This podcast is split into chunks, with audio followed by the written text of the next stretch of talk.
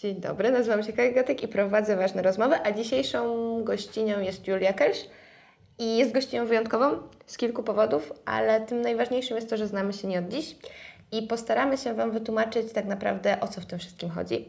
Więc ten odcinek jest wyjątkowy z wielu powodów, jest tak samo wyjątkowy jak inne odcinki, ale jest interesujący, e, bo tłumaczymy Wam tak naprawdę, dlaczego zmuszamy Was do tego, żeby wysłuchać ich w całości.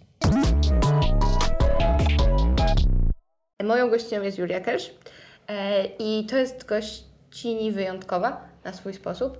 E, nasza matka, e, jeżeli chodzi o projekt i nie tylko. Więc na samym początku jakby chciałabym mm, zapytać się tak naprawdę jeszcze zanim przejdziemy do tego, o czym będziemy dzisiaj rozmawiać i co stanowi jakby sens e, sensu stricte naszej rozmowy, e, to tak na samym początku jakbyś mi powiedziała, kim Ty jesteś, poza tym, że powiedziałam, że matką tego projektu i nie tylko. Mhm. Tak, tak w dwóch słowach chociaż, tak, tak e, minimalnie. Słowo, które mnie podsumowuje, to jest wiceprezeska, bo ja jestem jednocześnie wiceprezeską ważnych spraw, czyli organizacji, która prowadzi ten podcast tak ogólnie, ale też wiceprezeską Stowarzyszenia Młodzieży RP i jako wiceprezeska Stowarzyszenia Młodzieży RP tutaj dzisiaj występuję bo to jest um, organizacja, którą założyłam z moimi znajomymi 4 lata temu i która teraz właśnie prowadzi ten projekt, który jest związany z tym cyklem rozmów.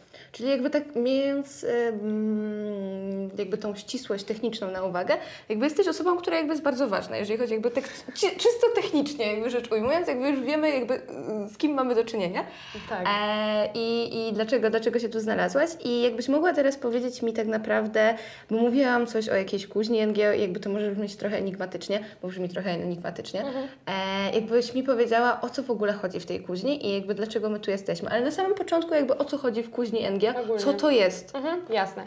To trzeba zacząć od tego, że kuźnia NG to jest projekt, który jest realizowany w ramach e, programu Erasmus+. Cały ten program, on się kojarzy z wymianami studenckimi, ale nie tylko je obejmuje, bo w ramach tego programu Erasmus Plus można też tworzyć projekty krótsze, związane właśnie z współpracą z innymi krajami europejskimi, ale też takie krajowe.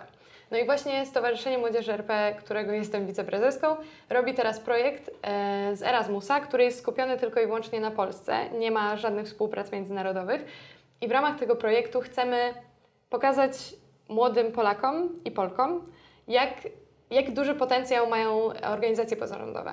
To, że w ramach organizacji pozarządowych można tak naprawdę realizować siebie na wszystkie możliwe sposoby w niesamowicie różnych polach tematycznych i chcemy po prostu w ramach tego projektu Kuźni pomóc im, pomóc młodym ludziom, którzy są w jakiś sposób zaangażowani społecznie, e, stworzyć swoją własną strukturę, w ramach której mogą działać dalej prężniej niż teraz. Czyli tak podsumowując, jakby w tym projekcie chodzi o to, żeby jakby trochę mm, jakby pokazać, że jakby pokazać jak zrobić organizację pozarządową, troszeczkę jakby na podstawie tak. doświadczenia innych osób. Jakby, tak. które już prowadzą i które jakby są w tym dobre, tak? Bo Dokładnie. jakby teraz y, pojawia się pytanie, co to są za organizacje? Bo jakby mówisz o tym, że jakby są to organizacje, które jakby, że chodzi tak naprawdę o z jednej strony zbadanie organizacji pozarządowych i co to są za te organizacje pozarządowe, które w jakiś sposób e, jakby ich doświadczenie stanowi jakąś taką przestrzeń, z której się korzysta do tego, żeby osiągnąć ten cel, o którym mówiłaś, żeby pomagać innym. Tak, bo do tego jeszcze nie doszłam. E, że ten projekt cały ma pokazać młodym ludziom, jak robić swoje organizacje na podstawie właśnie wiedzy i doświadczenia tych organizacji, które robią to już teraz i robią to bardzo dobrze. Więc e, my, jako, jako stowarzyszenie, zaczynając w ogóle cały ten projekt, e, postanowiliśmy, że wybierzemy organizacje pozarządowe, które są prowadzone przez młodych ludzi już teraz, dłużej niż 5 lat, mają jakieś doświadczenie, jakąś historię i są, wybijają się na tle wszystkich innych pozostałych polskich organizacji. E, które mogą po prostu dostarczyć nam wiedzy i informacji, rad, e, wskazówek dla tych e, młodych ludzi, którzy będą chcieli zakładać swoje organizacje teraz. Mhm. No i cały ten proces był dosyć skomplikowany, bo trzeba było pobrać w ogóle informacje dotyczące wszystkich zarejestrowanych organizacji pozarządowych w całej Polsce, była ich masa, jest ich ponad 100 tysięcy grubo. E, I później filtrowaliśmy te organizacje. Najpierw usunęliśmy wszystkie te, e, które mają właśnie mniej niż 5 lat doświadczenia, bo jednak historia organizacji jest bardzo ważna. Mhm. Później e, filtrowaliśmy je pod względem wieku, to znaczy odrzucaliśmy te organizacje, które są zarządzane przez ludzi, którzy są starsi niż 30 lat, bo to już w naszej definicji nie są ludzie młodzi, oraz te, które zostały założone przez starsze osoby. Mhm. Bo chodzi nam o te organizacje, które były zakładane i cały czas są prowadzone przez młodych ludzi od 18 do 30 Mhm. Ale nie tylko, jakby, jakby to jest bardzo ważne, co, to o czym mówisz, jakby kwestia tego, że są prowadzone przez młode osoby i były zakładane przez młode osoby, ale nie tylko działają dla młodych osób, jakby one mogą Nie. działać Tak, one mogą robić cokolwiek. Nie muszą się zajmować dziećmi, nie muszą się zajmować młodzieżą, mogą się zajmować zwierzętami, wszystkim, czym tak naprawdę Mhm. chcą. E, I później, jak została nam taka już mniejsza grupa tych, tych młodych organizacji, to zaczęliśmy je przeglądać e, osobiście, to znaczy z zespołem czterech osób.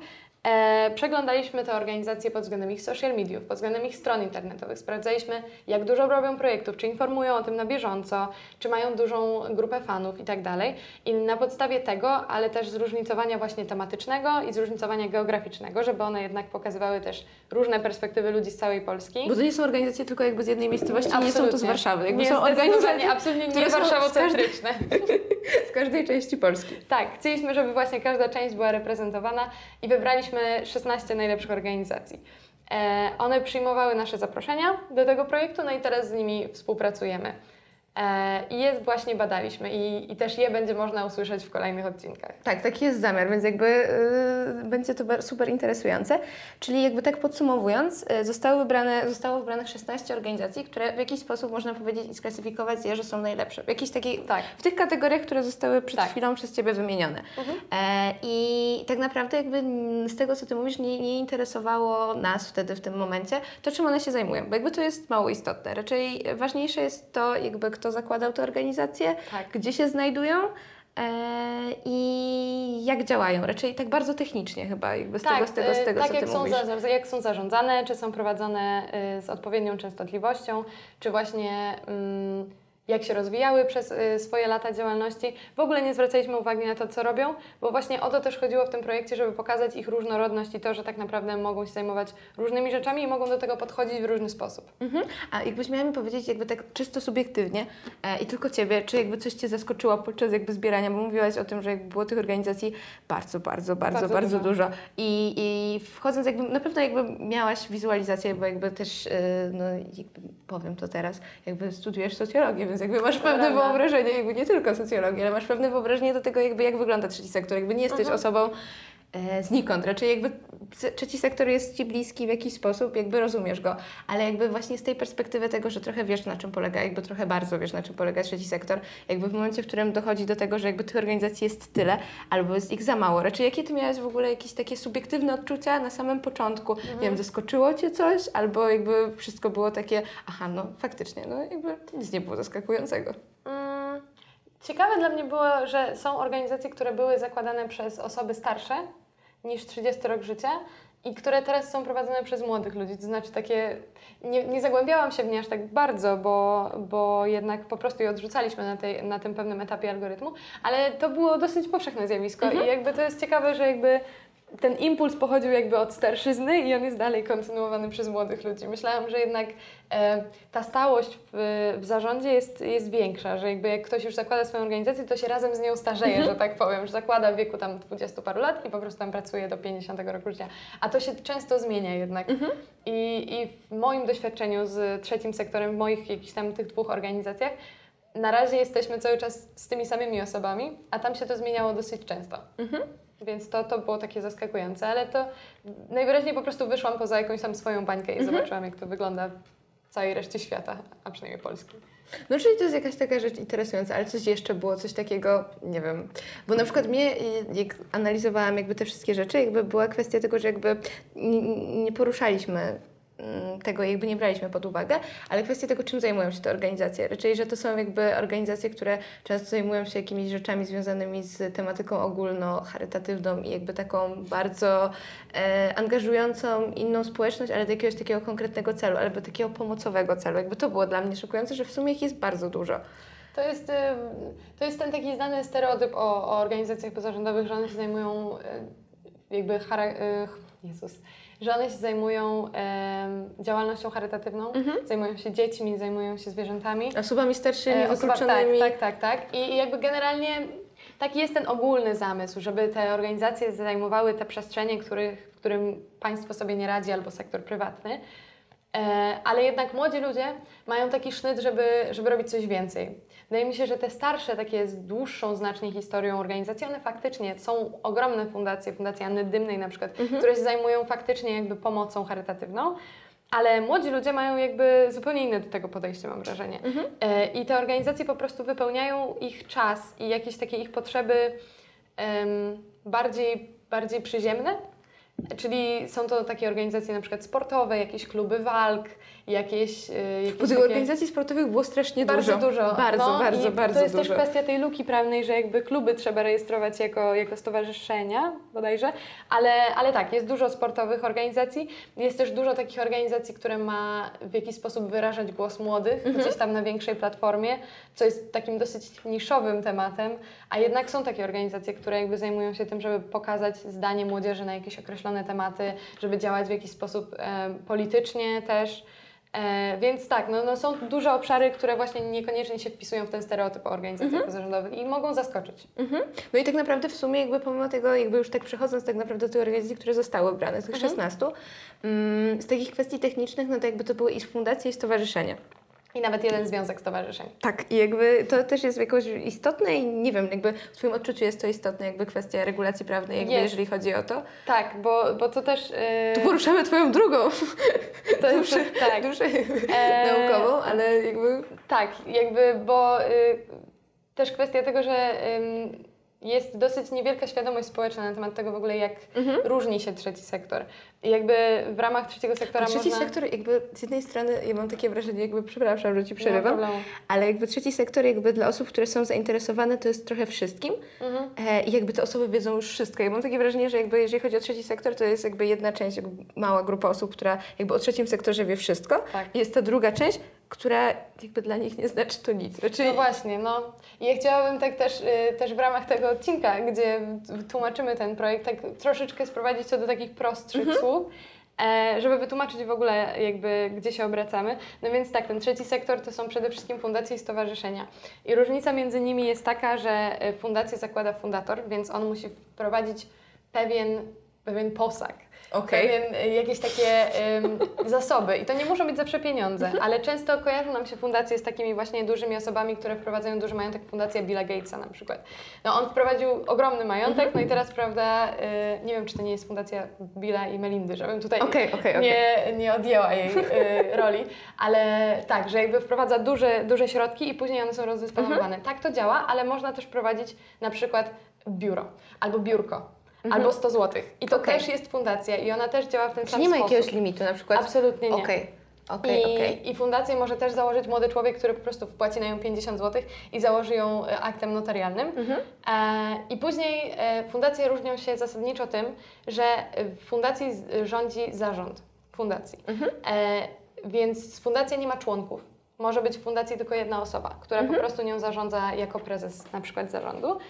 E, natomiast w stowarzyszeniu ono jest bardziej kolegialne. Chodzi o to, żeby tam się dużo ludzi zebrało. No samo stowarzyszenie, sama nazwa mówi, że ono ma zrzeszać jakieś rzesze ludzi, więc e, musi być tam kilka, kilkanaście osób, e, które są członkami tego, tej organizacji, wybierają swój zarząd i wspólnie decydują nad wszystkimi rzeczami, które się później będą działy w stowarzyszeniu. Ono nie musi mieć żadnego funduszu.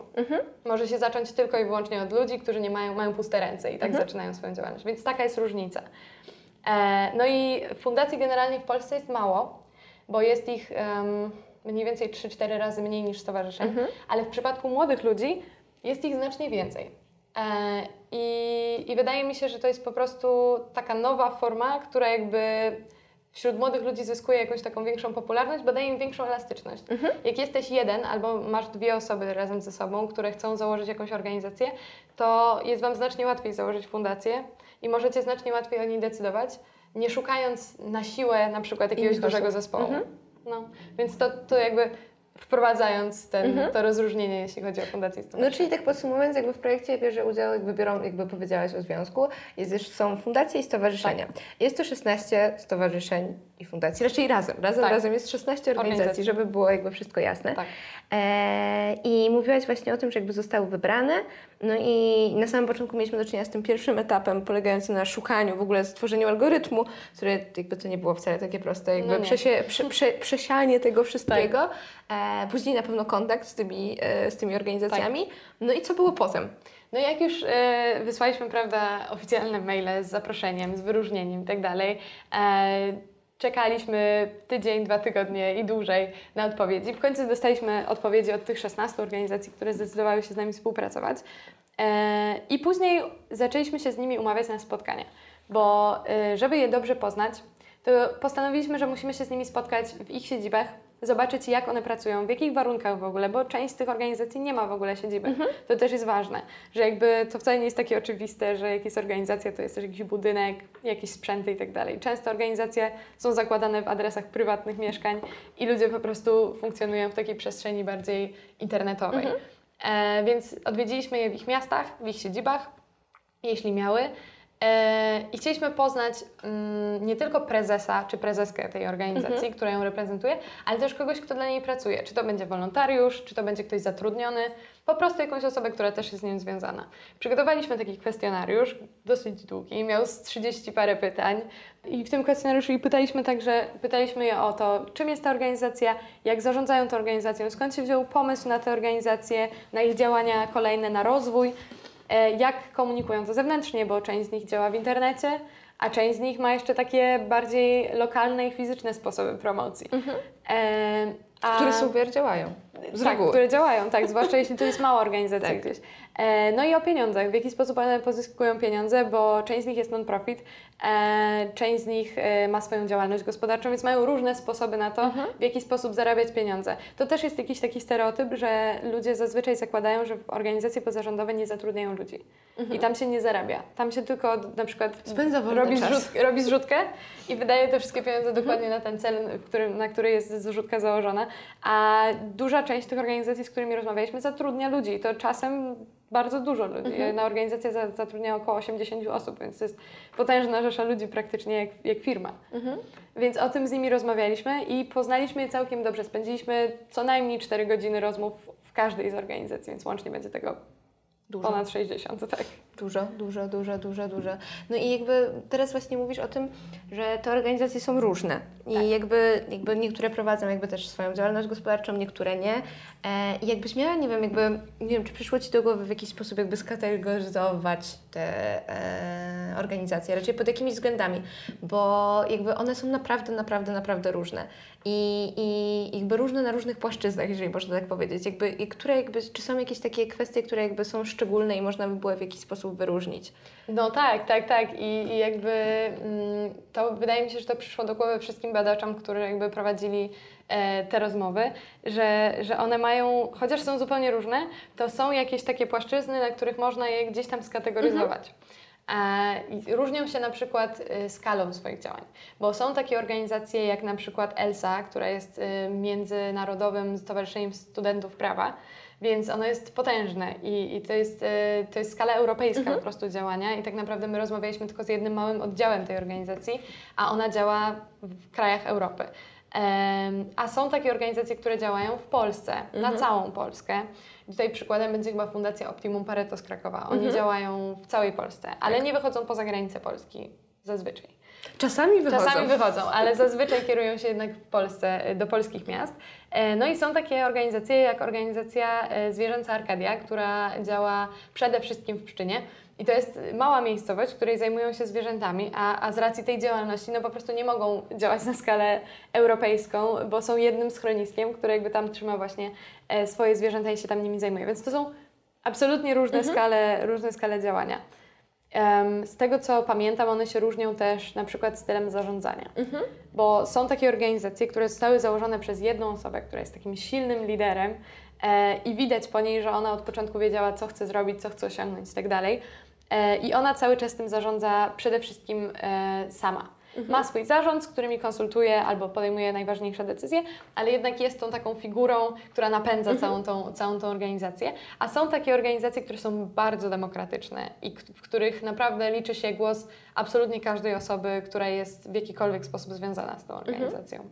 I nie wiem, czy przychodzi mi jeszcze jakiś taki rodzaj do głowy. No i jeszcze, jeszcze kwestia tych pieniędzy faktycznie, że są organizacje, które się opierają na pracy wolontariuszy przede wszystkim. Na przykład organizacje studenckie w dużej mierze one się na tym opierają, że jednak to jest praca ludzi za darmo. Mhm. A są takie organizacje jak właśnie ta fundacja, o której mówiłam, czyli Fundacja Oczami Brata z Częstochowy. Ona się zajmuje osobami z niepełnosprawnościami i zatrudnia 80 osób, z czego tak naprawdę chyba z 50 czy no prawie połowa albo ponad połowa to są osoby właśnie z niepełnosprawnościami, które pracują gdzieś tam w miejscach pracy, które ona w ogóle posiada. Więc potężna jakby organizacja i, i, i też duże pieniądze po prostu, które idą na te wynagrodzenia. No i też jakby, y, jakby wydaje mi się, że jakby jakiś taki, z tego co ty też mówisz, jakby taki istotny jeszcze podział, że mają różne grupy odbiorców i beneficjentów. Raczej, że tak naprawdę celują jakby począwszy od zwierząt, skończywszy Tak. jakby na osobach z małego miasta, które jakby chcą się gdzieś tam w jakiś sposób zaangażować. Raczej chyba docierają do bardzo zróżnicowanej grupy. Tak, tak, tak, tak. I obejmują praktycznie jakby całokształt y, społeczeństwa, gdzieś tam się wstrze, wstrzeli, wstrzeliwują e, i w takie osoby właśnie młode, e, i w osoby dorosłe i na przykład mamy takie, taką organizację, która zajmuje się e, strzelaniem, strzelnictwem w ogóle i ona na przykład się wpasowuje w osoby, które są zainteresowane jakimś takim bardzo konkretnym tematem.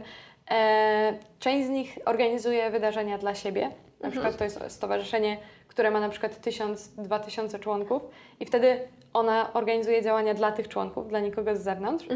A są takie organizacje, które tylko i wyłącznie wychodzą na zewnątrz, na przykład właśnie do zwierząt. E, Więc też są, no, są absolutnie różne jakby sposoby w ogóle prowadzenia tych, tych, tych działań i jakby pomysły na te działania. Rozmawiamy właśnie o tym, jakby o tym podziale i jakby o tych kwestiach związanych z tym, że one są naprawdę, naprawdę różne i o tych badaniach.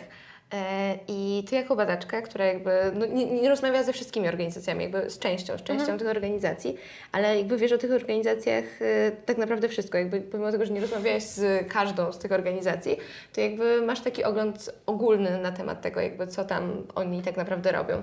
Tak. I mam takie pytanie dotyczące tego, czy jakby coś Cię tak zaskoczyło, raczej jakby zawsze przychodzimy z jakimś nastawieniem, z jakąś tezą, chociaż często walczymy z tym i mówimy, że jakby nie, wcale, wcale nie mamy żadnej tezy, ale coś tam jest w naszej Tak. głowie, jakby zawsze są jakieś oczekiwania względem czegoś. Więc zastanawiam się, czy jakby coś Cię zaskoczyło, jakby, albo nawet może rozczarowało, ale bardziej, bardziej w pozytywny sposób. Raczej coś, coś takiego jakby w tych badaniach, co było dla Ciebie tak szokujące, pozytywnie, nawet pozytywnie szokujące. Raczej coś, co po prostu było czymś wow dla Ciebie. Dużo rzeczy, na pewno dużo rzeczy. E, To, co najbardziej e, mnie zaskoczyło i co od razu miałam w głowie, to jest organizacja, którą razem badałyśmy. E, Organizacja Stowarzyszenie Klub Strzelających Inaczej w Gdańsku. E, Przyjechałyśmy na strzelnicę w ogóle, więc to, to była historia, no ta historia jest po prostu jak z jakiegoś filmu. To prawda. E, przyjechałyśmy na strzelnicę, w ogóle pomyliłyśmy miejscowości, więc cała ta przygoda była taka szalona. E, ale w nigdy nie pomylił Gdańsk. Gdańsk i Gdyni. No, Pierwszy rzuci kamień, prawda? To wszystko jest obok. E, w każdym razie, jak dojechałyśmy już na tę strzelnicę, no to okazało się, że tak naprawdę oni nie mają biura jako biura, jak my sobie wyobrażamy to biuro, że na przykład Fundacja Ważne Sprawy ma swoje biuro, czyli po prostu pokój z biurkami i, i, i komputerami.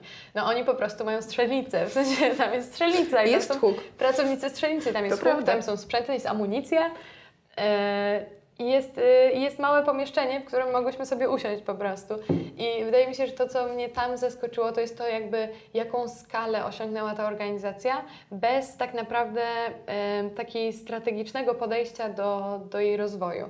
Bo, bo y, rozmawiał, ja akurat rozmawiałam z wiceprezesem tej organizacji i on wprost mówił o tym, że jakby jak zakładał tę organizację, to nigdy nie myślał o tym, e, w jaki sposób, co po kolei będzie organizował, żeby dojść do jakiegoś dużego momentu. To wszystko było zupełnie spontaniczne i właśnie realizujące jakąś jego wewnętrzną potrzebę. On chciał mieć miejsce, w którym będzie sobie strzelał, wyrobi sobie e, pozwolenie na broń, więc takie miejsce założył. I, I to, że jakby zrzesza teraz 1100 osób, które też chcą mieć takie miejsce, to było zupełnie nieplanowane i dla mnie to było inspirujące bardzo, bo, bo to jest coś, co wydaje mi się, że jak, jak zaczyna się swoje kroki stawiać w trzecim sektorze, zakładać swoją organizację, to nie można marzyć o niczym więcej niż znalezienie 1100 osób, które chcą robić dokładnie to, co ty. I jakby teraz, dzięki tym osobom, które jakby należą do tej organizacji, które płacą też składki członkowskie, bo to jest jeden z rodzajów finansowania organizacji, że po prostu ludzie, którzy się do niej zapisują, wpłacają co roku jakąś kwotę pieniędzy. No oni teraz budują trzecią już strzelnicę i jakby w ogóle z Gdańska wychodzą do Poznania i, i do innych miejscowości.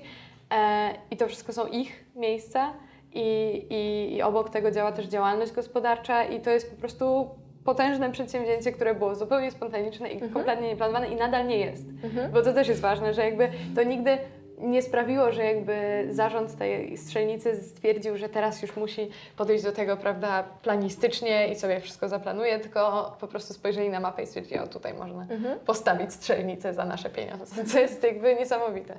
Jakby to też ten przykład tej organizacji jakby pokazuje, że jakby to nie jest tylko jakby forma spędzania wolnego czasu, tylko to może być po prostu sposób na życie. No tak, Jakby tak. to jest, to jest, jakby takich organizacji trochę było, ale jeżeli bym mogła, to ja bym chciała powiedzieć, że mnie w sumie, jeżeli chodzi w ogóle o te wszystkie organizacje, które jakby to mnie uderzyło, odpowiadając sobie sama na pytania, ale jakby wydaje mi się, że to jest jakby rzecz, która jakby e, musi zostać wypowiedziana, bo ona towarzyszyła mi przez następne miesiące już po skończeniu tych badań, e, że pomimo tego, że jakby te organizacje są totalnie różne, jakby są z różnych, jakby z różnych światów, zajmują się całkowicie różnymi rzeczami, to kwestia tego, że tak naprawdę tych wszystkich ludzi, które, których spotkałyśmy, ja nie wiem, czy masz takie samo wrażenie, ale miałam takie wrażenie, że oni mają coś dziwnego w oczach. Raczej jakby, jakby super totalnie pozytywnie. Raczej tych ludzi łączy jakaś taka dziwna, niezdefiniowana energia zmieniania, jakby nie tyle nawet co świata, ale jakiegoś takiego małego wycinka w swoim jakby otoczeniu, że jakby oni mają jakąś taką dziwną pasję w tym, co robią. Jakby oni są pozytywnie niebezpieczni. Znaczy, ja miałam takie, takie wrażenie, jakby oni jak opowiadali o jakichś takich rzeczach,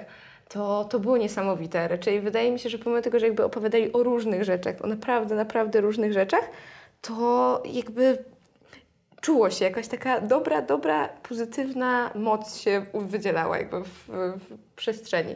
Nie wiem, nie wiem, czy masz takie odczucie, że jakby tych ludzi jakby coś łączy. Pomimo tego, że jakby są różni, to jest jak, nie jestem w stanie jakby zdefiniować i wytłumaczyć mi dokładnie o co chodzi, ale że coś tam jest w tym. Tak, ja mam na to konkretną odpowiedź, ale zanim to jeszcze, y, żeby to tak wybrzmiało, że jakby Ty też ze mną badałaś tę organizację, bo y, myślę, że jak ktoś tego słucha od y, ponad pół godziny czy 20 minut, to jakby już mniej więcej się domyśla. Nie E, chciałam tego mówić na głos, ale tak, ale tak, no jakby to, to, to był projekt Stowarzyszenia Młodzieży, ale jakby jeździło czterech badaczy, w tym ja i Ty. tak. I, I razem rozmawialiśmy z tymi organizacjami, też dlatego o tym teraz rozmawiamy. No i jakby tak, te, te taka, ta pasja, którą oni mają, e, to jest bardzo przyjemne, jak się z nimi rozmawia, bo to jest, tak jak powiedziałaś wcześniej, e, dla części z nich to jest sposób na życie, w sensie to jest ich praca. E, I oni tam zarabiają i jakby zatrudniają ludzi i tak dalej. E, I, I to jest super. I też jako osoba, która też chciałaby jakby związać swoją karierę zawodową ze swoją organizacją, to po prostu wydaje mi się, że to jest taki bardzo przyjemny etap w życiu, kiedy jakby możesz o swojej pracy zawodowej opowiadać z takim szczęściem i z takim poczuciem misji i tym, że po prostu Cię to fascynuje, bo, bo to nie jest taka praca na etat w jakiejś takiej losowej e, instytucji, tylko po prostu to jest ich. I oni to tworzą i oni tym żyją i dzięki temu też żyją, więc to jest po prostu spełnienie jakiejś takiej dużej części swojego życia, co, co jest bardzo zadowalające. Mhm. Nie no, to, to, to, jest, to jest naprawdę, naprawdę, naprawdę super, ale jakby to też jest chyba bardzo trudne. Jakby nie wiem, czy masz takie, takie wrażenie, że jakby dojście do takiego momentu, w którym jakby jest, dochodzimy do tej sytuacji, o której Ty mówiłaś, to jest, to nie dzieje się. Jakby stwierdzasz sobie, dzisiaj założę sobie organizację i jakby ona będzie już wypełniała całe moje życie. Jutro będzie etacik. I jutro, jutro, jutro będziemy jakby wszyscy bogaci i piękni i jakby będziemy tak żyć do końca życia. Raczej chyba tak nie jest. Jakby z No tego w ogóle nie. dojście, jakby wydaje mi się, jakby podczas tych rozmów, że dojście do takiego etapu, w którym jakby my ich spotkaliśmy, bo jakby no są, jakby to nie są organizacje, które zaczynają, jakby to są te organizacje, Pon- o których ty, mówiłaś, jakby no, zostały skategoryzowane jako najlepsze, więc Tak. jakby mm, to nie są jakby organizacje trochę A i znikąd. tak nie wszystkie się utrzymują z tego, nie? To prawda, jakby, że, że jakby, żeby dojść do tego momentu, to też była chyba strasznie ciężka praca. Tak, w sensie trzeba jakby rozgraniczyć też to, że część z nich w ogóle nie dąży do tego, do tego etapu, bo są to na przykład organizacje właśnie studenckie, które po prostu y, nie mają na celu nigdy przetransformować się w miejsce pracy, ale te, które jakby są tymi miejscami pracy, no na pewno to była ciężka praca i u, u wszystkich, y, z którymi rozmawiałam, y, prezesów i prezesek, pojawiało się takie, takie sformułowanie, że pierwsze dwa lata były ciężkie. I to zawsze były te dwa lata. I ja nie wiem, czy jakby, bo Fundacja Ważne Sprawy ma rok i, i cztery miesiące, więc jakby czekam cały czas, aż minie ta granica tych dwóch lat i jakby wreszcie po prostu jakby stanie się lekko. Nie wiem, czy tak będzie, ale y, często tak powtarzali, że jakby te pierwsze dwa lata to były jakieś takie pozyskiwanie finansów rzędu 2000 na jakiś drobny projekt, jakiś tam 5000 na coś drobnego i pozyskiwania jakiegoś takiego zaufania osób, które y, dawały im finanse na ich działalność, czyli samorządu lokalnego albo jakichś partnerów biznesowych. I, I takie po prostu bardzo drobne kroczki, gdzie po prostu wszyscy poświęcali swój wolny czas, wszyscy poświęcali też jakby pieniądze, bo jednak to jest czas, który, w którym mogliby zarabiać na życie w normalnej pracy, a oni po prostu zdecydowali się pracować na wolontariacie, na coś swojego. E, i, I dopiero po tych dwóch latach tej magicznej jakiejś tam granicy e, udawało im się złapać coś większego, coś bardziej stałego, czyli na przykład jakieś europejskie granty albo jakiś sposób właśnie działalności gospodarczej zakładali, który pozwalał im zyskiwać pieniądze na działalność organizacji. E, no i, i to nigdy nie było dla nich łatwe. I właśnie wydaje mi się, że, że nawet, nawet te organizacje, które, które zostały wyróżnione i które działają już ponad 5 lat i są naprawdę wybitne w porównaniu do pozostałych organizacji młodych ludzi, e, to nadal nie jest jakiś taki e, poziom multimilionerów. W sensie to są po prostu ludzie, którzy jakby pracują za rozsądne pieniądze za ich pracę. E, i jakby są zadowoleni, ale ciągle mają jakieś limity, ciągle jakby nie mogą więcej osób zatrudnić, ciągle jakby mają problem, żeby znaleźć e, środki na jakąś większą inwestycję i oni są ciągle w fazie rozwoju. Więc jakby to naprawdę nie jest łatwe, Mhm. żeby, żeby jakby sfinansować działalność organizacji pozarządowej, to jest dużo pracy Mhm. i dużo jakiegoś takiego samozaparcia i jakichś po drodze wyrzeczeń, które Mhm. trzeba zrobić. I też jakby teraz mówisz o tej kwestii jakby wolontariackiej, jakby nie wszystkie organizacje mają ambicje do tego, żeby jakby zarabiać pieniądze. Tak. E, no i kwestia tego, jakby wydaje mi się, że to też jest ważne, że dużo osób sobie nie zdaje z tego sprawy, że jakby praca wolontariacka i jakby w tych organizacjach, w których jakby my poznałyśmy, to jest trochę praca też na całym etap, na cały etat. Raczej to jest bardzo obciążająca praca, która jakby w normalnych warunkach pewnie byłaby jakby pracą, która jest jakby w pełni opłacana. I A te osoby po prostu z samej chęci jakby zmieniania tej rzeczywistości jakby pracują w takich, a nie innych jakby warunkach. Jakby nie mają ambicji do tego, żeby zarabiać. One po prostu chcą chyba zmienić, nie, nie chyba, ale chcą po prostu zmieniać tą rzeczywistość i uważają, że to jest ta droga. I wydaje mi się, że to też jest jakoś tak bardzo interesujące i bardzo ciekawe, że jakby mówi się o tym, że jakby a, to takie stowarzyszenie, to jakby to nie jest mało znaczące, to jakby każde jakieś takie hobby, a, a w sumie to jakby chyba, chyba to jest naprawdę super ciężka praca. No właśnie, szczególnie w tych organizacjach, dlatego one są tak wyjątkowe i dlatego są wyróżnione, że właśnie tam te zespoły były zdecydowanie oddane tej misji i jakby wszyscy ludzie, z którymi rozmawialiśmy, no nie było takiej osoby, która by powiedziała, że w sumie jest ich to obojętne, albo że no spędza tam tyle czasu, ile będzie miała akurat w tym tygodniu. Zazwyczaj to były osoby, które po prostu naprawdę to priorytetyzowały e, i wydaje mi się, że dlatego te, te organizacje są tak wyjątkowe i tak dobre. E, Ale to też jest pewien sposób jakiś taki atrybut ludzi młodych jednak, bo cały czas rozmawiamy o organizacjach, które są młode, do 30 roku życia, więc jakby e, ci ludzie jakby jeszcze też mogą sobie pozwolić ze względu na swoje warunki życiowe po prostu. Jeśli to są studenci, to po prostu e, często korzystają z e, działalności w organizacji, chociaż jest bardzo wyczerpująca i bardzo angażująca, to czerpią z niej też jakieś wartości dla siebie. Uczą się bardzo dużo, bo praca w takiej organizacji pozarządowej to jest, to jest wiele różnych aspektów, które można pokryć. To jest zarządzanie zespołem, zarządzanie czasem, to jest organizowanie wydarzeń, ro, kon, nie wiem, nawiązywanie kontaktów z partnerami, no masa różnych jakby To rzeczy. było, to było super, czyli przepraszam, że Ci przerwę, że właśnie wszystkie osoby, które, z którymi rozmawiałyśmy i na przykład jakby pracowały w organizacjach, pracowały, no były wolontariuszami albo wolontariuszkami w organizacjach pozarządowych, jakby one o tym mówiły, że jakby one przełamywały jakieś takie bariery nawet swoje, jakby się nauczyły tyle, że jakby w normalnych warunkach nigdy by się nie nauczyły. Jakby Tak. też takich kompetencji, o których nie miały świadomości, e, że można je jakby powiększyć, albo że one w ogóle istnieją i funkcjonują. No, jakieś takie negocjacje, Tak. prezentacja siebie, które później są bardzo istotne na rynku pracy i wyróżniają Cię w taki sposób, że nawet nie zdajesz sobie z tego wcześniej sprawy. No i właśnie wydaje mi się, że ci studenci na przykład bardzo dużo z tego czerpią i, i, i są zadowoleni z tego, co im daje ta organizacja. No i jeszcze mogą sobie pozwolić na to właśnie, że mogą się zaangażować e, bez wynagrodzenia, że mogą pracować tam na, naprawdę na pełen etat, e, nie zarabiając w tym czasie na życie, nie? Później to już jest znacznie trudniejsze jednak w przypadku dorosłych osób.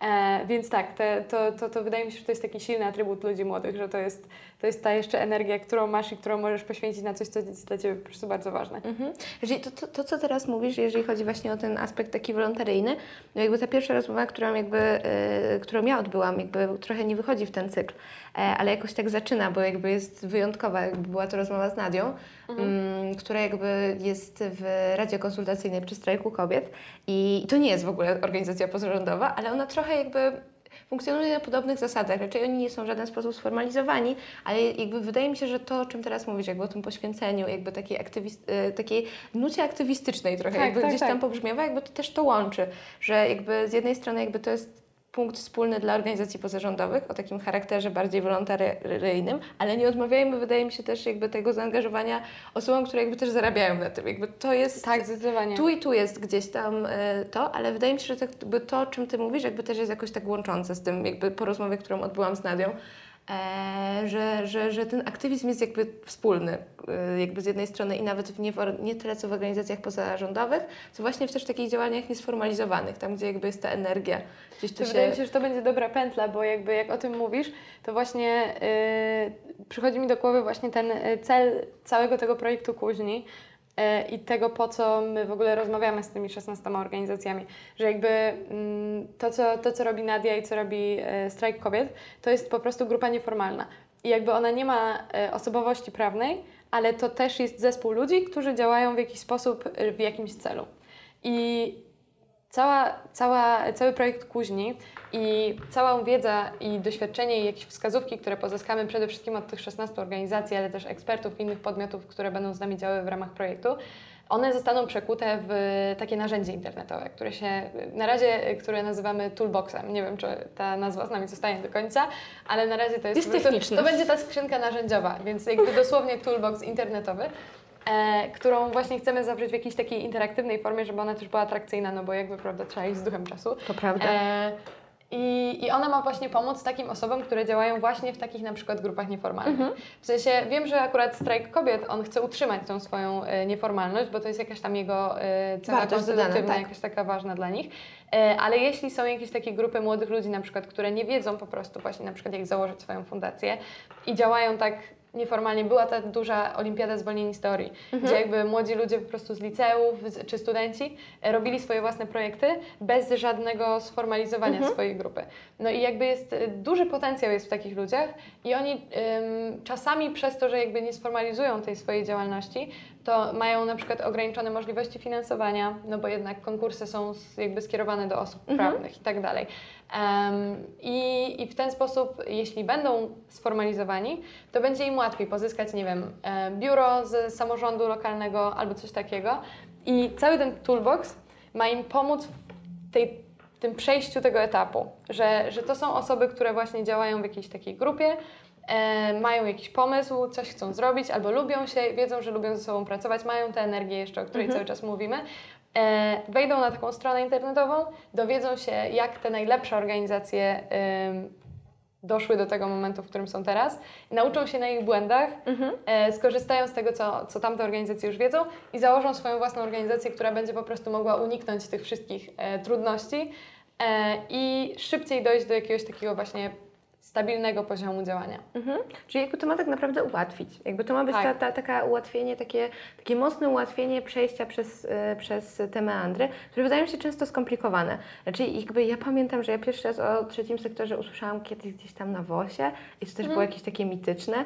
I ja mam wrażenie, że my tym trochę projektem jakby ma takie ambicje, mam nadzieję, że jakby one się spełnią, ale trochę odczarowania trzeciego tak, sektoru. No. Że jakby też jakby wydaje mi się, że dużo osób słysząc trzeci sektor kojarzy to albo organizacje pozarządowe, jakby pozarządowe i wydaje mi się, że to się jakoś klasyfikuje. Jakby dużo osób wydaje mi się, że myśli o tym, że jakby to są organizacje jakieś takie, może nie tyle co parapolityczne albo parapartyjne, ale jakieś takie dziwne. Raczej jakby... Y, organizacje pozarządowe to jest WOŚP przede wszystkim. To też z jednej strony jakby są fundacje i to są fundacje jakby charytatywne, charytatywne tak. albo jakieś takie dziwne byty, jakby nie za bardzo, jakby nie wiadomo nie, o co nie wiadomo, chodzi. kto je tworzy tak. i po tak. co one są w tak, ogóle. Tak, tak, Gdzieś są i nie wiadomo nic o nich więcej.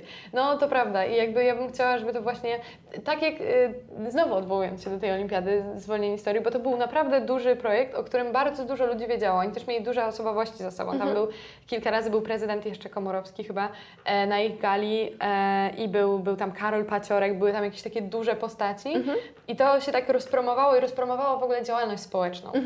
I to, to im się bardzo dobrze udało. I wydaje mi się, że Kuźnia, może to jest trochę zbyt ambitne, żeby jakby teraz założyć, że będziemy jak Olimpiada zwolnień historii, ale trzeba mierzyć wysoko. Oczywiście, że E, tak. więc ja bym chciała właśnie na takiej samej zasadzie tym projektem e, rozpromować nie tyle działalność społeczną, co właśnie krok wyżej, czyli organizacje pozarządowe, już tą ustrukturyzowaną działalność społeczną, żeby ona też była tak fajna i żeby ona też była tak e, dostępna po prostu, bo, bo to nie jest aż tak skomplikowane, jak się wydaje.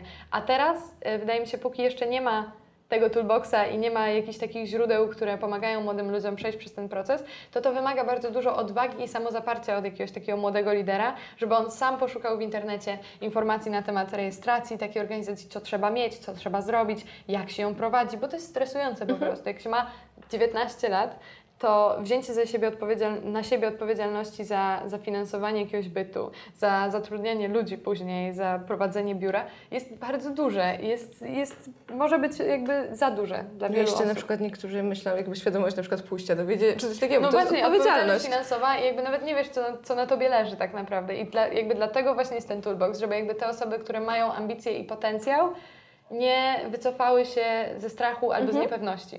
Tylko żeby weszły, dowiedziały się i mogły iść dalej. Mhm.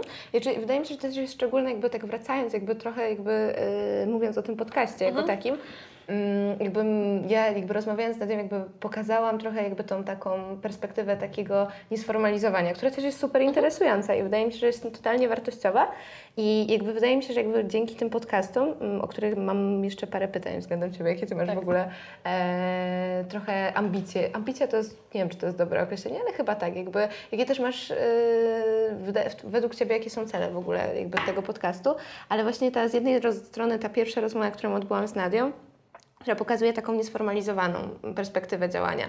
E, I to działanie jest w sumie jakby dosyć podobne, raczej jakby inne, bo jest mocno aktywistyczne, jakby mocno, mocno aktywistyczne i mocno em, absorbujące trochę tą rzeczywistość taką działania na bieżąco. Jakby Wydaje mi się, że, że to jest szczególne.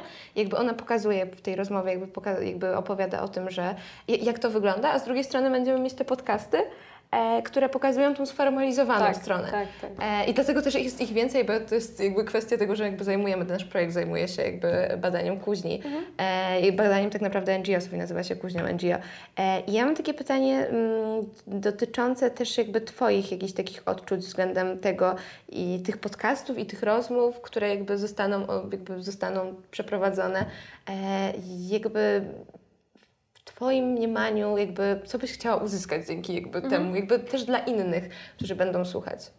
E, tak, no jakby ja bym chciała, e, żeby te, te podcasty były trochę taką, em, takim zamknięciem w małej pigułce tego, czego my doświadczyłyśmy badając te organizacje. A to, czego ja doświadczyłam, to jest ogromna doza inspiracji, bo te osoby są przeciekawe i mają za sobą długą historię, a ciągle są młode, więc są po prostu takimi chodzącymi jakby inspiracjami. I tu cały czas mam na przykład w głowie tego prezesa, prezesa Fundacji Oczami Brata, który jakby właśnie zatrudnia taką e, masę osób. On jest bardzo młody, a, a mówi o historii swojej organizacji, jakby ona była taką firmą z 30-letnim doświadczeniem.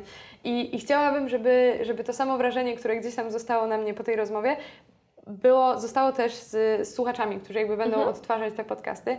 E, a druga sprawa, którą chciałabym, żeby ten podcast wniósł, to jest właśnie takie oswojenie tej w ogóle tematyki prowadzenia organizacji pozarządowych.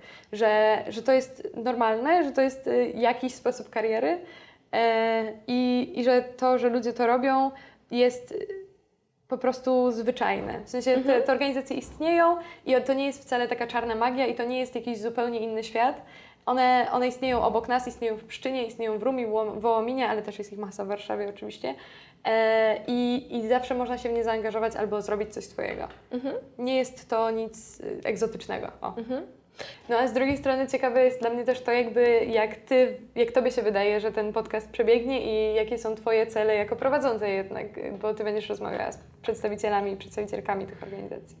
E, raczej e, po pierwsze jestem totalnie super pozytywnie nastawiona, jakby po pierwsze po tej rozmowie, którą teraz odbywamy, a po drugie po tej pierwszej rozmowie, którą odbyłam z Nadią, która jakby wyłamywała się poza schematy, ale jakby była totalnie wartościowa i wydaje mi się, że ona trochę mnie ukierunkowała też jakby patrzenie na to, jak te rozmowy mają wyglądać i to jest trochę jak z wystawą i jakby z, z wystawą, która gdzieś tam w muzeum się odbywa i ma swoją rację bytu. Yy, I ja trochę w głowie mam już jakby tekst, yy, który jakby zostaje wprowadzony i który jakby mówi o czym, jakby, czym mają być te, te wywiady.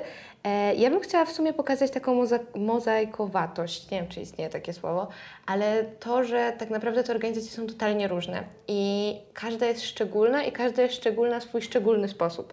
Raczej, że mają pewne takie aspekty, jakby one są wszystkie super i można by było rozmawiać o tym, jak działają i to by było super wartościowe, kiedy na przykład mogłabym z nimi rozmawiać przez dwie godziny o tym, jakby gdzie działają, jak wygląda ich struktura, e, w czym są dobrzy, jakby jak chcą zmieniać świat, bo każdy z nich chce zmieniać świat, pomimo tego, że nie cały czasami, ale jakiś wycinek. E, ale jakby kwestia tego, że jakby wydaje mi się, że wybranie, jakby pomysłem tak naprawdę na te wywiady jest to, żeby wybrać jakąś taką jedną rzecz albo jakiś jeden taki obszar, który jest wyjątkowy dla tych organizacji, bo każda, każda organizacja ma coś takiego w sobie wyjątkowego i żeby tak naprawdę skupić się na jednym wycinku. I ja wierzę w, trochę w coś takiego, że mówiąc o jednym wycinku, można powiedzieć tak naprawdę o, o wszystkim. E, to jest bardzo ambitny cel i jakby nie wiem, czy podołamy, e, ale ja będę się starać. Jakby w mojej głowie to jest. I to nie jest jakaś rzecz, która jest, jakby nie ma jakiegoś oparcia, ale to w mojej głowie tylko i wyłącznie na razie. E, ale mam nadzieję, że jakby uda mi się z pomocą e, tutaj wszystkich jakby podołać temu wyzwaniu i jakby pokazać i trochę opowiedzieć o tych organizacjach, które jakby dla mnie są fascynujące, e, bo są totalnie fascynujące i ta energia, która bije od tych ludzi jest po prostu niesamowita. I chciałabym jeszcze ostatnia, ostatnia rzecz i wiem, że to jest super jakby nieinteresujące może być, ale kwestia złapania takiej ulotnej esencjonalności tych organizacji i pokazania tych osób, jakby trochę to jest yy, wyzwanie, ale jakby pokazać coś, co jest trochę niewidoczne. I nie wiem, na ile to zrozumiałe, ale w mojej głowie jakby coś takiego gdzieś tam przyświeca. Po prostu pokazać ich jakąś taką istotę i trochę opowiedzieć o nich poprzez jakby ten wycinek i ten skrawek jakiegoś konkretnego obszaru, e, w którym są naprawdę, naprawdę fajni. Ale są fajni we wszystkich. Jakby to nie chodzi Tak. o to, jakby nie chodzi o to, że jakby ograniczamy teraz podczas tych podcastów ich do jakiegoś danego małego wycinka, E, tylko po prostu to, to, to są ograniczenia, ograniczenia czasowe, żeby jakby No. nie możemy jakby opowiedzieć o, o wszystkim, Tak. bo to trwałoby naprawdę 60 godzin, jak nasze badania. Bo to też trzeba im oddać, że oni jakby, że to są przede wszystkim osoby, które jakby bardzo dużo mówią, e, w sensie takim, że są w stanie jakby opowiadać o tej swojej działalności latami. Tak. E, to nie są osoby, które jakby wyjdą i powiedzą, że jest w porządku, tylko jakby one naprawdę mogą mówić godzinami o tym, co robią i, i fajnie będzie właśnie wyłuskać z nich to, co najlepsze i co, co najciekawsze i to pokazać Wam. Tak, i jakby wydaje mi się, że jakby my rozmawiałyśmy o tym bardzo, bardzo długo, że, że tak naprawdę tym celem tych podcastów jest pokazanie, że jakby można zajmować się wszystkim. Jakby, że to nie jest właśnie, jakby my cały czas jakby podczas tej rozmowy udowadniałyśmy, że jakby to nie jest jakby tylko jakiś ograniczony, e, ograniczony obszar, ale że tak naprawdę można robić wszystko i te organizacje udowadniają to, Tak. bo zajmują się naprawdę, naprawdę, naprawdę wszystkim. No, wystarczy znaleźć sobie jakiś problem, coś, co nie działa gdzieś Tak. wokół Ciebie i możesz je załatwić poprzez stowarzyszenie I robią to w różny sposób. Jakby, że to jest niesamowite, że jakby pomimo tego jakby my tym toolboxem, o którym mówiłaś, jakby postaramy się jakby przeprowadzić niektóre osoby przez te meandry zakładania, ale też będą różne opcje, jakby to nie ma też jednej drogi. I, i to jest niesamowite, że jakby łączy ich jakby taki, taki, taki napis organizacje pozarządowe, ale w sumie jak to robią, już jest całkowicie różne. Tak, to, to wydaje mi się, że to jeszcze nie wybrzmiało, a to faktycznie jest ważne, że właśnie nie ma tej jednej dobrej drogi.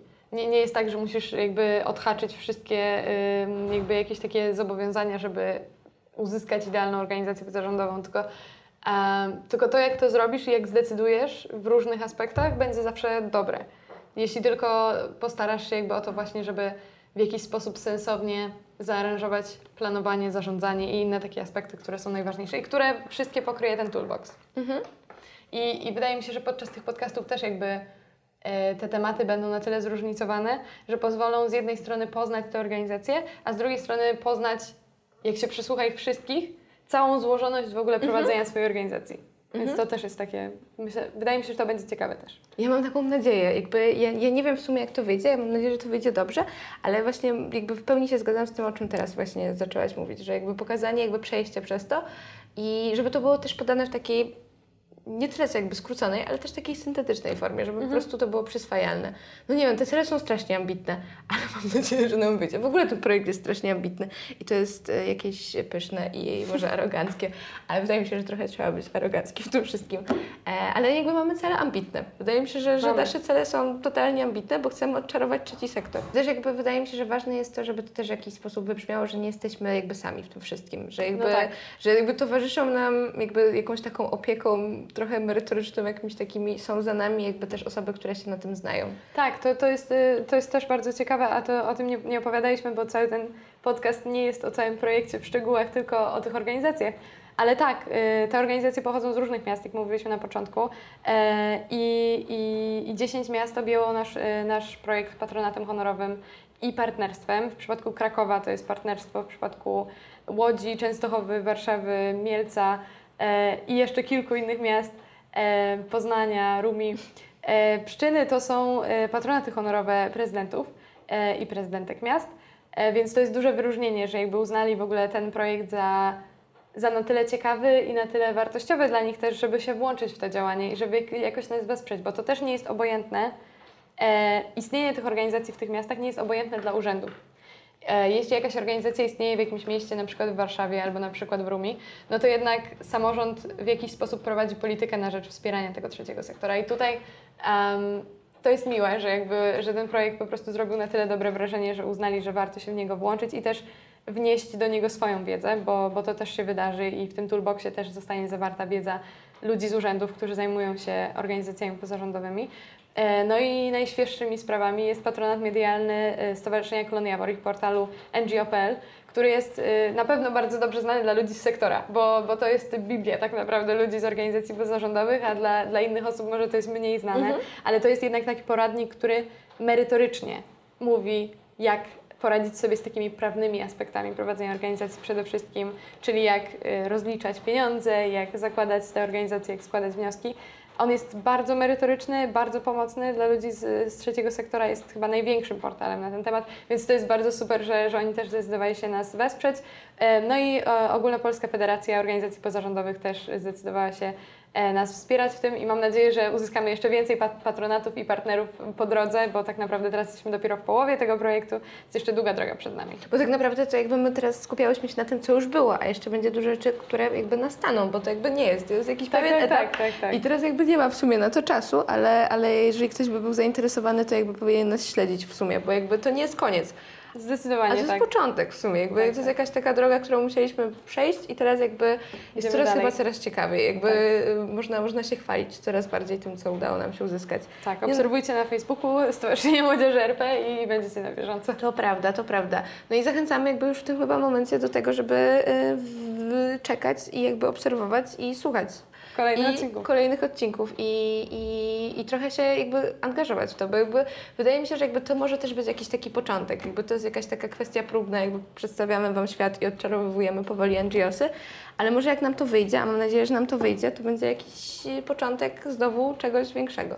Wydaje mi się, Tak, że też może jak być. najbardziej, jak najbardziej. Organizacje się tutaj pojawią z różnych miast, z różnych części Polski, więc może ktoś je akurat zna, albo, albo pomyśli o tym, że w jego miejscowości też może ktoś działać i, i to może działać dalej. Więc y, tak, jak najbardziej. Zachęcam do słuchania kolejnych odcinków. Kaja na pewno doskonale sobie poradzi z, z tymi wszystkimi e, przedstawicielami, przedstawicielkami organizacji i mam nadzieję, że będą na tyle ciekawe, jak rozmowy z nimi w ich siedzibach. Ja mam też taką Albo nadzieję.